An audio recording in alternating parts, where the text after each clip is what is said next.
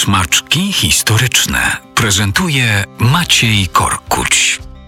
Tuż przed bitwą grunwaldzką pojawił się problem z Czechami.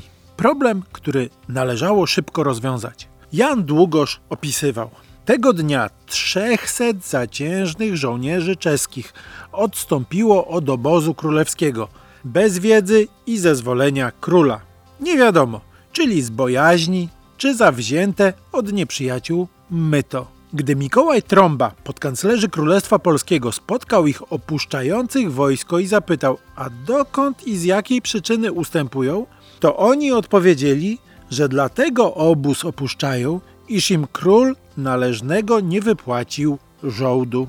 Wiem ja, rzekł podkanclerzy, że Władysław Król należny wam żołd jeszcze w przódy, nim go wysłużyliście, rzetelnie wypłacił, a do opuszczenia obozu skłania was nie tak krzywda doznana, o którą w przódy należałoby się użalić przed królem lub radnymi pany, ale raczej bojaźń i tchórzostwo, gdyście się dowiedzieli, że król w dniu dzisiejszym bitwę z nieprzyjacielem stoczyć postanowił.